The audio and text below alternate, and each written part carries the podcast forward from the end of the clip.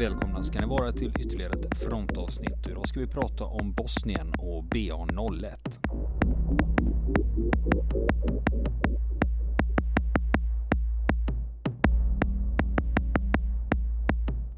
Och nu fortsätter vi våran intervju med Magnus Ernström. Men det var, det var, men så som du beskriver det så var det ganska händelsefattigt. Ja, det var det. Från det att ni passerade gränsen till dess att ni kom fram till containerfabriken. Det hände inte mycket alls kan man säga. Utan då kom vi fram dit och började lasta ur på en helt... Eh, ja, det, det var ju ganska nedgången på den tiden. Jag har faktiskt varit dit och nu idag är den ju topprustad och jättemodern. Men då var det en gammal industribyggnation. Eh, väldigt nedgånget överallt. Och där rullade vi in på den här tomma, gamla, ostädade. Såg ut som den höll på att ramla ihop av egen kraft nästan. Eh, och skulle börja bygga en kamp. Som sen skulle vara där i ja, tio år eller vad det är, sex, sju, åtta. Eh, så det var ju lite spännande att komma till ett helt nytt ställe där det inte är någonting. Och det här ska vi göra om till en militärförläggning som ska husera en himla massa hundra människor. Men vad var din känsla när du kommer in och får se det här och förstår att aha, det är här vi ska vara? Här ska vi bo. Jaha, home sweet home? Ja, eller? verkligen.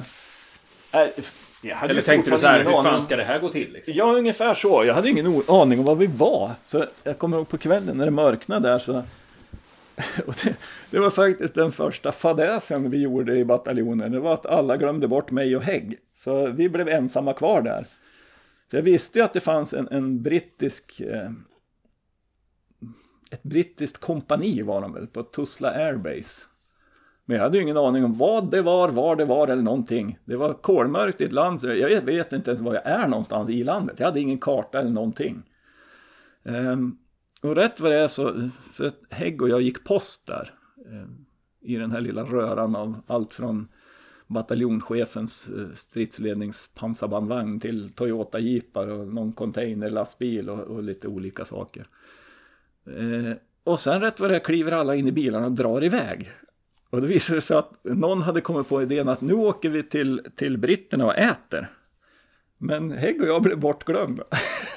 så där går vi och så är vi helt ensamma på hela stället och vi vet inte var alla har dragit. Vi har ingen radio, vi har ingen eh, anropssignal, vi har inte ens en frekvens som vi vet något på. Vi har ingen karta, vi har ingenting och det är kolmörkt. Och så kommer det två beväpnade filurer mot oss genom mörkret där. Så jag tänker, vad sjutton gör vi nu då? Så lyste vi på dem med ficklampan och visade sig vara två soldater från en av parterna som ville bjuda på pistagenötter och hälsa välkommen. Så det var väl trevligt då, men, men vi kände oss väldigt utlämnade där. Och hur det var så gick vi runt och så hörde vi något nerifrån eh, bataljonchefens eh, pansarbandvagn. Så där fanns ju eh, löjtnant Livgren och PBV Nilsson, två vänner. Så då var ni fyra stycken? Då var vi fyra. Så vi sa, vad gör vi nu? Nej, det vette sjutton. Vi laddar upp kanonen, sa Livgren. Så, så gjorde de det. Så vi hade i alla fall bra understöd om det skulle ha hänt något. Sen kom alla tillbaka och då var vi inte glada på dem kan jag säga. Men det, det löste sig. Mm. Men när du och Hägg står där själva i mörkret och ni ser två beväpnade personer närma sig. Hur eh, tänkte ni kring den situationen? För den är ju potentiellt ja, hotfull. Va? Vi var ju väldigt beredda kan jag ju säga. Men, men samtidigt får man ju inte bli så överspänd så att man skapar en situation som kanske inte är något. Så... För det var ju ändå första kontakten ni hade med... Det var första kontakten. Jag är jätteglad att det var Hägg som var där som ändå hade varit på plats. Och det, det var ju, han hade ju en viss erfarenhet av hur parterna beter sig och hur vi bör bete oss mot parterna. Så det var väl, det löste sig väl med den äran. Och samtidigt vill vi ju inte börja slå oss i slang och fraternisera med någon av parterna för mycket heller. För att det, då får man andra problem sen. Så vi var väl ganska... Eh, avmätta och, och, inte så sociala av oss. Men vi tog någon varsin nöt och, och, och eh, tacka för välkomsthälsningen. Det visade sig att på andra sidan gatan hade HVO, alltså den kroatiska milisen, hade ju ett litet högkvarter. Det huset hyrde vi sen till bataljonen faktiskt, när de flyttade ut.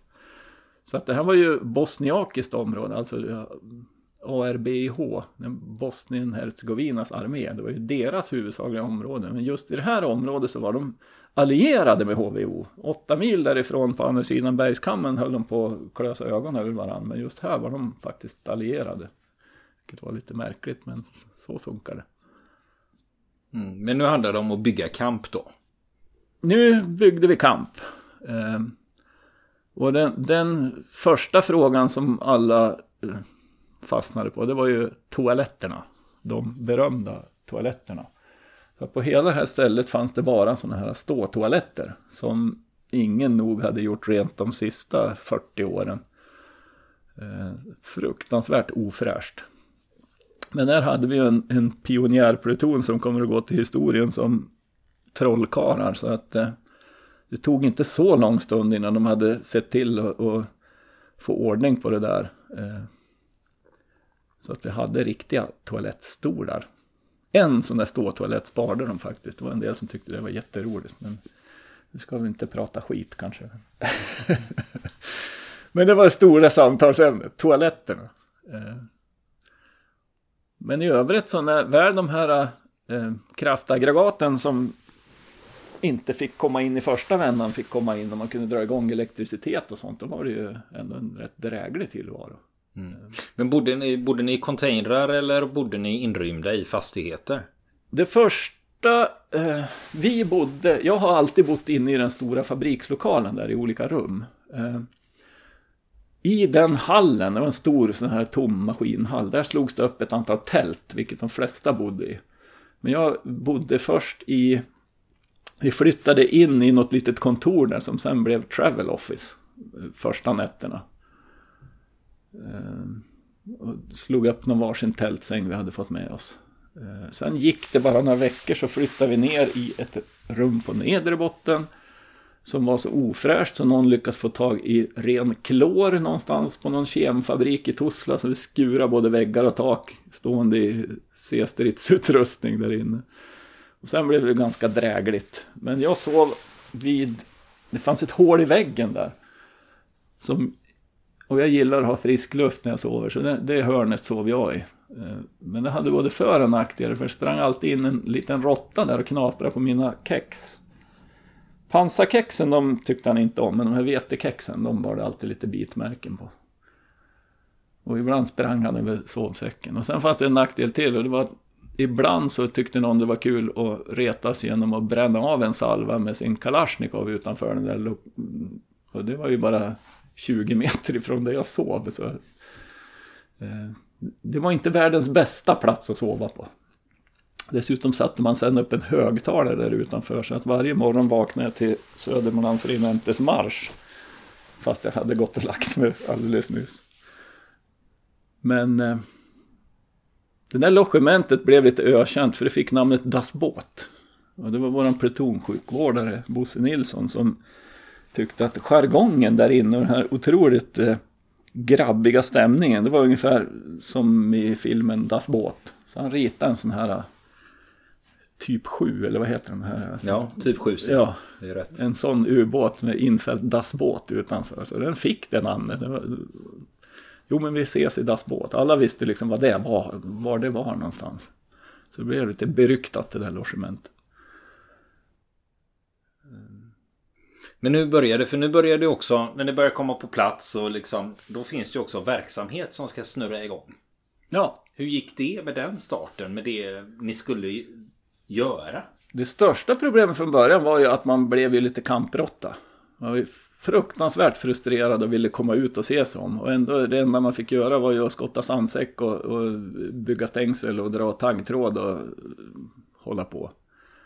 Och det där var ju frustrerande, särskilt eftersom jag kommer ihåg att alla gruppchefer fick ut ganska mycket att röra sig. Jag vet att Hägg och Brodin åkte iväg tillsammans med britterna i början när de var kvar. Och det var ju precis när, när fronten flyttade sig på ett, en plats som heter Ribnitsa.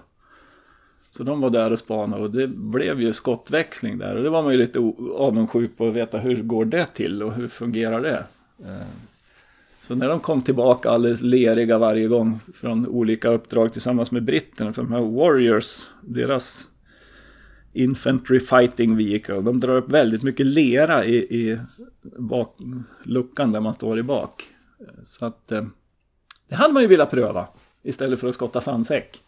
Faktiskt se någonting av, av landet och se vad som händer. Så de första veckorna var vi väldigt frustrerade, ganska många där som stod och grävde istället för att vara ute och vara soldater. Men det är också en del av soldatlivet och det som skapar väldigt bra anda tycker jag, det är att det kunde stå eh, överstelöjtnanter i den ålder jag är idag och majorer och skotta sandsäck med bar överkropp bredvid unga killar i 20-årsåldern. Alla gjorde allting. Så att det, var, det, var, det, blev en väldigt bra anda där även vid vissa tillfällen majorer stod gatevakt liksom och öppnade bommen. För att vi var så få och vi behövde hjälpas åt med allting. Och det där skapade en riktigt bra förbandsanda som satt sen. Att ingen är för fin och ingen är för mer än någon annan. Och vi jobbar tillsammans. Eh, sen hade vi en bataljonschef som också vägrade dela upp personalen i olika mässor. Om vi kan kriga ihop kan vi äta ihop också. Så vi hade alltid bara en matsal på varje ställe. Ingen officersmäss, underofficersmäss och den där typen av uppdelningar. Utan vi, vi är som ett gäng allihop och ingen... Alla ska kunna göra alla jobb och det där sitter kvar i mitt huvud än så jag försöker fortfarande följa den filosofin. Det man låter får... lite svenskt också. Det Just gör det. Med, med, när man pratar om det här med, med platta organisationer istället mm. för hierarkiska organisationer. Ja. Jag tycker man, det, det är ofta bra att ha en hierarki i en organisation. Det har jag lärt mig, att annars blir det rörigt. Att man bör ha en hierarki med olika tydliga roller. Rollerna måste vara tydliga, men man måste jobba platt. Det är olika arbetsuppgifter man har, olika specialfunktioner och specialistkompetenser, men ingen är finare än någon annan. Och vi kan alla byta från blåställ till kostym när som helst. Men den det, men det är också... tycker jag man ska bevara var man än jobbar, därför att den gör sån himla skillnad.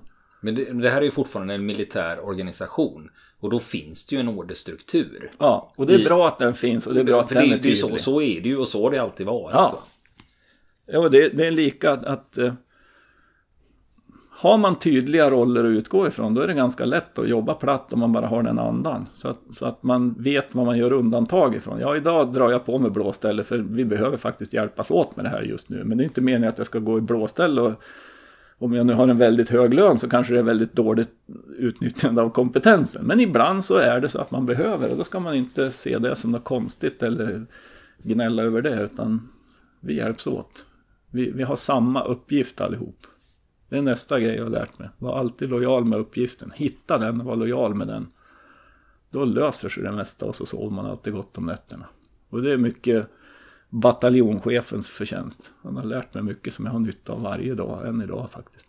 Du har nämnt honom flera gånger. Ja, eh, och jag är... förstår att han har haft en väldigt stor inverkan på ditt eh, sätt att tänka och ditt sätt att agera.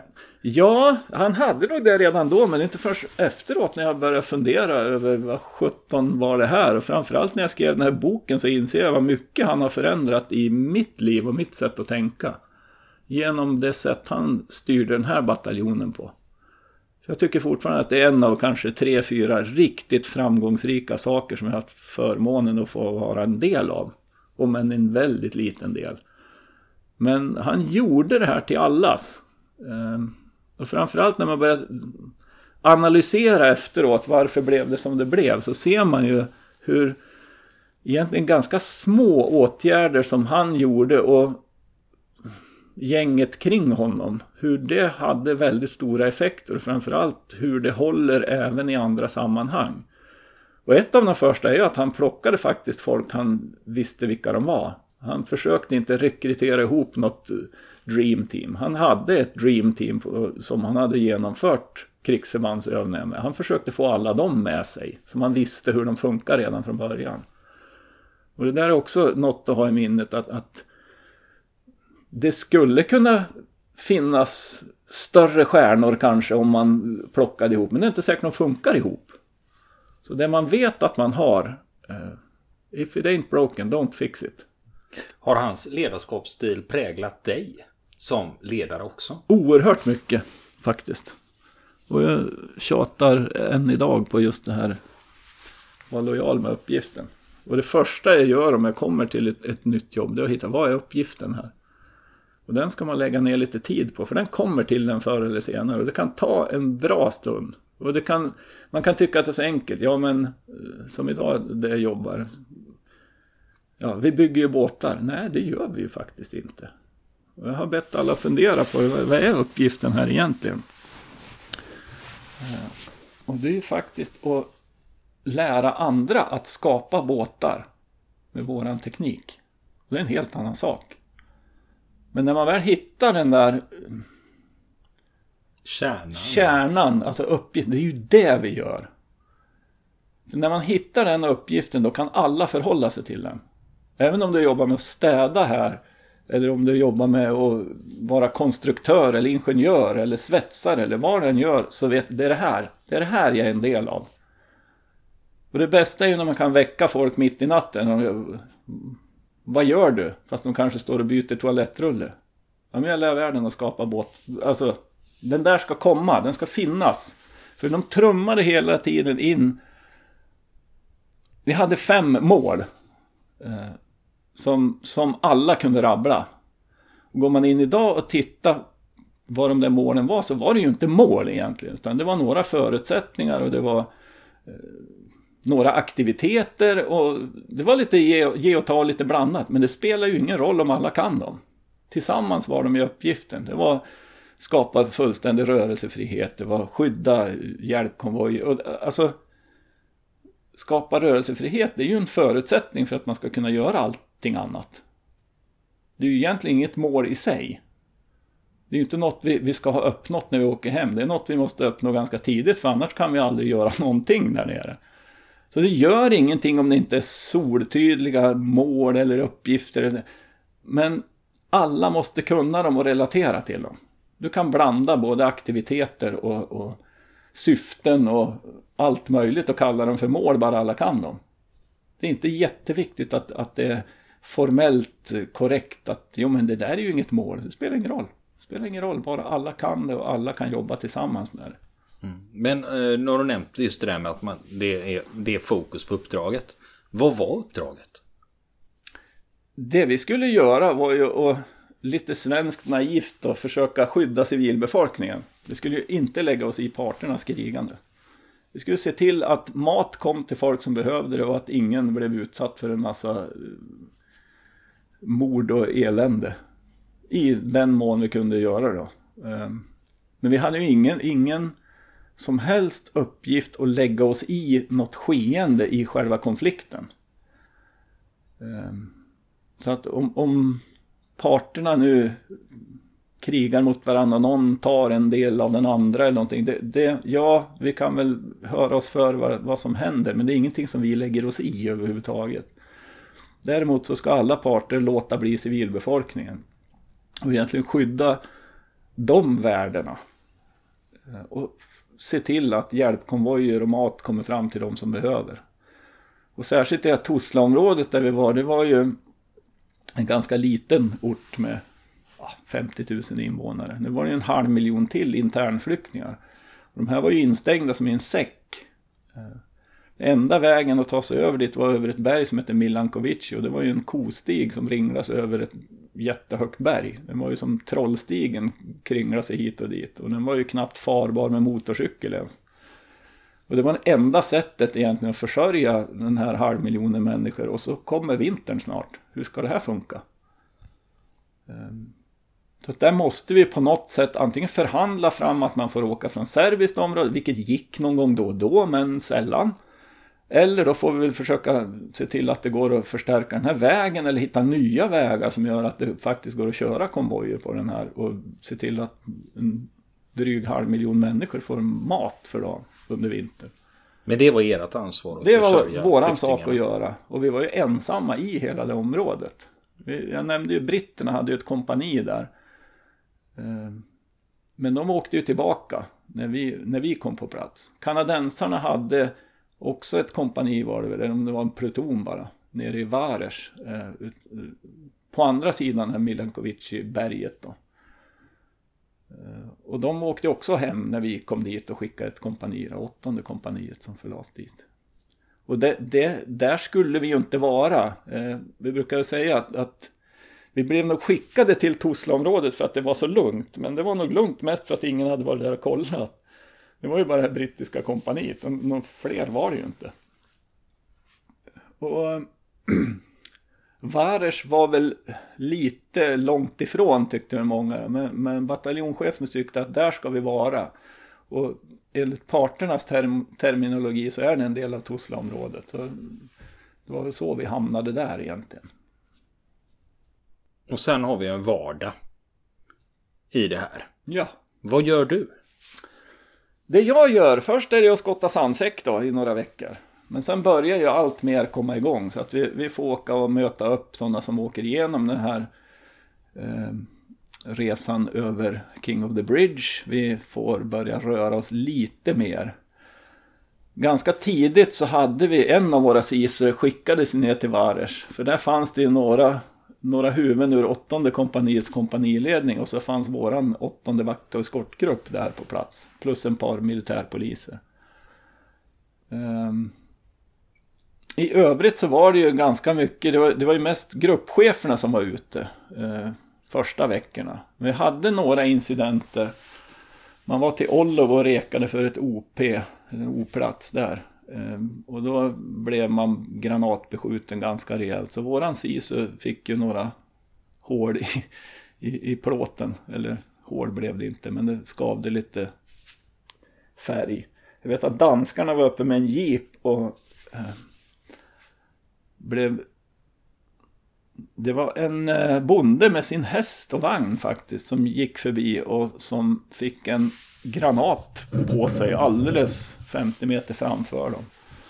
Och det var lite intressant för att en anhörig till den personen, för jag skrev om det här i min bok, hörde av sig och han bor i Sverige nu. Och vi kom överens om efter lite konversation att det där måste vara, om det var hans farfar tror jag, för han hade gått bort på precis det där sättet på ungefär den platsen. Eh, precis just då. Um. Vi hade min... Ehm, vi hade... Jag kan, jag kan sticka emellan med en fråga här. Ja. För när, när du sitter i vagnen och du... Det är ju första gången du blir du är med om en beskjutning. Ja, jag var ju inte där då. Så. Du var inte där? Nej, Nej, jag hade ju fortfarande inte råkat ut för det. Utan det hade jag. Men jag hörde ju de här... Eh, min gode vän eh, Micke Persson blev beskjuten på flygplatsen i Toslov. Det var ju på vårat område så att säga. Och den kulan tog en gren och missade han med en hårsmån. Så jag hörde ju liksom att det här är ju inte riktigt normalt då. Men jag hade hela tiden tanken, hur känns det egentligen när man råkar ut för det själv? För det hade jag ju ingen uppfattning om egentligen.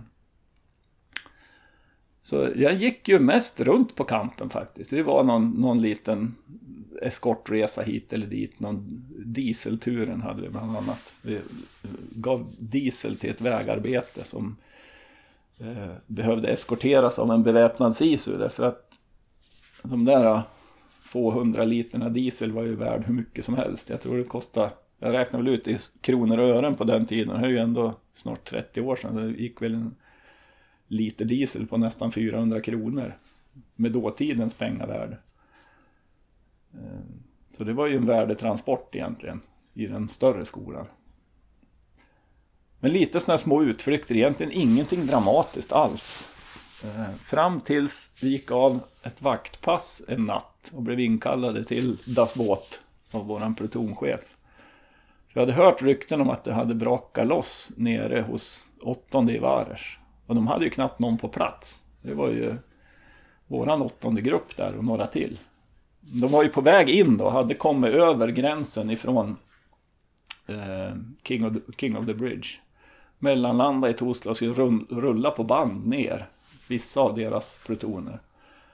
Så någon hade hunnit komma fram. Eh, och sen skulle vi då förstärka upp tillsammans med några enheter från tionde kompaniet. Så i princip skickade vi allt vi hade nere till Vares. För att eh, man hade utsatt flera av våra enheter för beskjutning helt enkelt. Och allt grundas i att, att eh, parterna där nere, vilket var HBO och ARBH, alltså de som var allierade hos oss i Tuzla, var så riktigt i luven på varandra.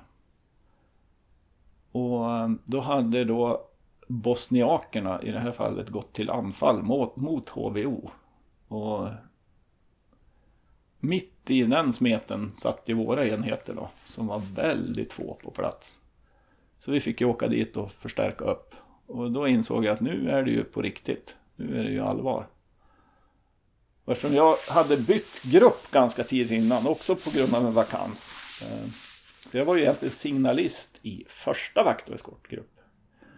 Eh, så blev jag överflyttad till 12 skytt och ställföreträdande gruppchef i andra grupp.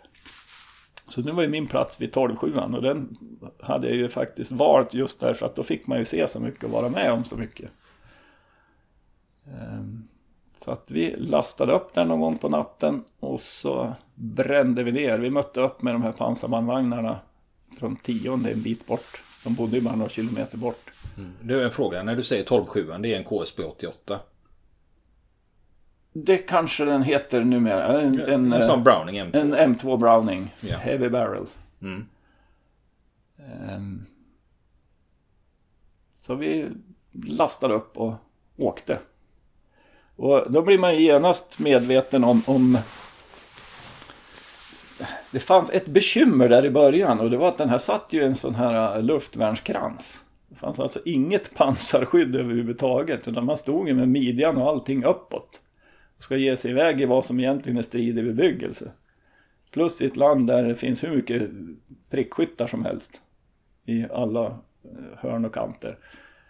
Och granatsplitter. Så det, det där var en väldigt utsatt position. Inser man när man står där. Eh, det kom pansarplåtar ganska fort sen. Tack så mycket Försvarets materielverk. Det lyckas de genomföra väldigt snabbt. Och till och med få ner dem på, på plats. Men vi åkte ner där och tack och lov var det ju dimma när vi kom neråt Vares. Så de där prickskyttarna fick ju en utmaning om de skulle skjuta någon. Eh, men vi kommer ner till det här sågverket i, i Vares som eh, där det här åttonde kompaniet då ska ligga. Några har hunnit komma på plats men det är ganska få människor. De hade blivit så illa påskjutna så att de hade dragit sig tillbaka till kampen, de få enheter de hade. De hade bland annat behövt köra över någon buss på vägen som hade stäng, ställts ut för att hindra dem från att komma in. Ehm, så när vi kommer in där kommer Holmberg från min pluton med, med ett eh, pansarskott på ryggen eh, och vinkar in oss. Och man ser liksom på minen på alla att det här, det här är det ju allvar. Och den här kampen den såg väl ut ungefär som något från eh, första eller andra världskriget. Det är bara lera och hårdögda, lortiga människor som tittar upp på, på oss från värn där de har legat hela natten. Eh, för att då har någon varit där och skjutit på kampen också. Så det har smält in något skott. Så en otroligt utsatt situation. Men de var ju inte målet, de hade ju hamnat lite mittemellan där va? Ja, de blev ju målet för att alla ville ha därifrån oss. Ja, ja. Så att eh, när vi kommer in då ser jag hur, hur våran SISU, eller åttonde SISU då, den har ett kulhål i rutan och en eh, rad med skott. Ja, det blir ju inte hål, men det slår ju bort färgen då när de träffar över hela fronten. Då visar det sig att eh, de har blivit utsatta för ett re regelrätt eldöverfall in i stan. Så att det uppstod en situation nere vid torget där man då skjuter mot en pansarbandvagn var luckan lite öppen där bak på den så att en rikoschett slår ner och slår rakt in i en ficklampa på bröstet på en av killarna. Så kulan sitter i den här maglighten han har på bröstet. Utan att göra någon annan skada än så. De skjuter varningsskott även med 20 mm och så försöker de backa ur. Backar på någon elstolpe där så att en ledning håller på att elektrifiera dem istället. Men det är väldigt hett på platsen. Och då kommer då eh, åttonde SISU i full fart för att undsätta. Och då har man alltså lagt upp en hel grupp på taken och från fönstren in i den här lilla byn. Så att de bränner av allt vad de har. Så att fem av de sex däcken de är sönderskjutna. Eh, plus att då eh, Leo Takula som är vagnschef, han tittar rakt in i pipan på en Kalashnikov, hoppar ner och sätter sig ner och då ser han kulan komma rakt mot sig och smacka in i rutan rätt i ansiktet. Och då är det ett pansarglas och den, den stoppar den här kulan men det gick igenom alla lager utom den sista. Det var en sån här pansarbrytande kula så man kände kulan på insidan hur den nästan gick igenom. Ehm. Och, eh, Yttergård som står vid Talsjön har mitt jobb då. Vi har ju som sagt inget pansarskydd på den. Så han känner hur det bränner till på handleden. Han får ett brännmärke där en kula studsar i plåten, bränner honom på handen och går över axeln. Och Holmberg i bakvagnen, han hinner skjuta tillbaka med fem skott. Men det går ju så fort, alltså de kommer i full fart. Och så under en bro i princip. Och där står alla och bränner av allting. Så han hinner skjuta tillbaka med några skott men, men sen är allting borta. Och som 12-skytt då är man ju lurad för den tar sån tid att vrida. För det är inte alla ställen man kan göra det på heller för den är ganska lång. Um, så att de får linka tillbaka till, till kampen. Ehm, de får reservdäck som finns, de tar ju slut. Men då kommer de på att vi plockar från lastbilarna. Det är ju inte sådana här punkteringssäkra men de funkar i alla fall. Så runt omkring på kampen står det en massa lastbilar uppallade på träbockar och lastpallar och allt möjligt för att få på däcken igen. Så inser man att det här är ju liksom inte bra. Eh, men vi kliver av och lyckas väl få en timme sömn kanske, eller i den mån man sover överhuvudtaget i det läget. För vi vet ju att imorgon, så fort du vaknar tidigt i gryningen, ska vi jobba oss tillbaka ut. Vi tänker inte ge upp, utan vi ska ut och, och ta våra platser här i stan igen. Så det gör vi. Eh, och då får vi en ganska bra briefing om var de här olika sakerna inträffat. Jag vet den där bron, den hade jag alltid ett ont öga till. När de blev rejält påskjutna under. Och nästa vecka så fortsätter vi våran intervju med Magnus Ernström. Vill ni komma i kontakt med oss så kan ni göra det via vår Facebook-sida som heter Fronten. Det är inga problem för er att leta er fram där. Eller också så mejlar ni på vår mejladress och det är frontenpodcast@gmail.com.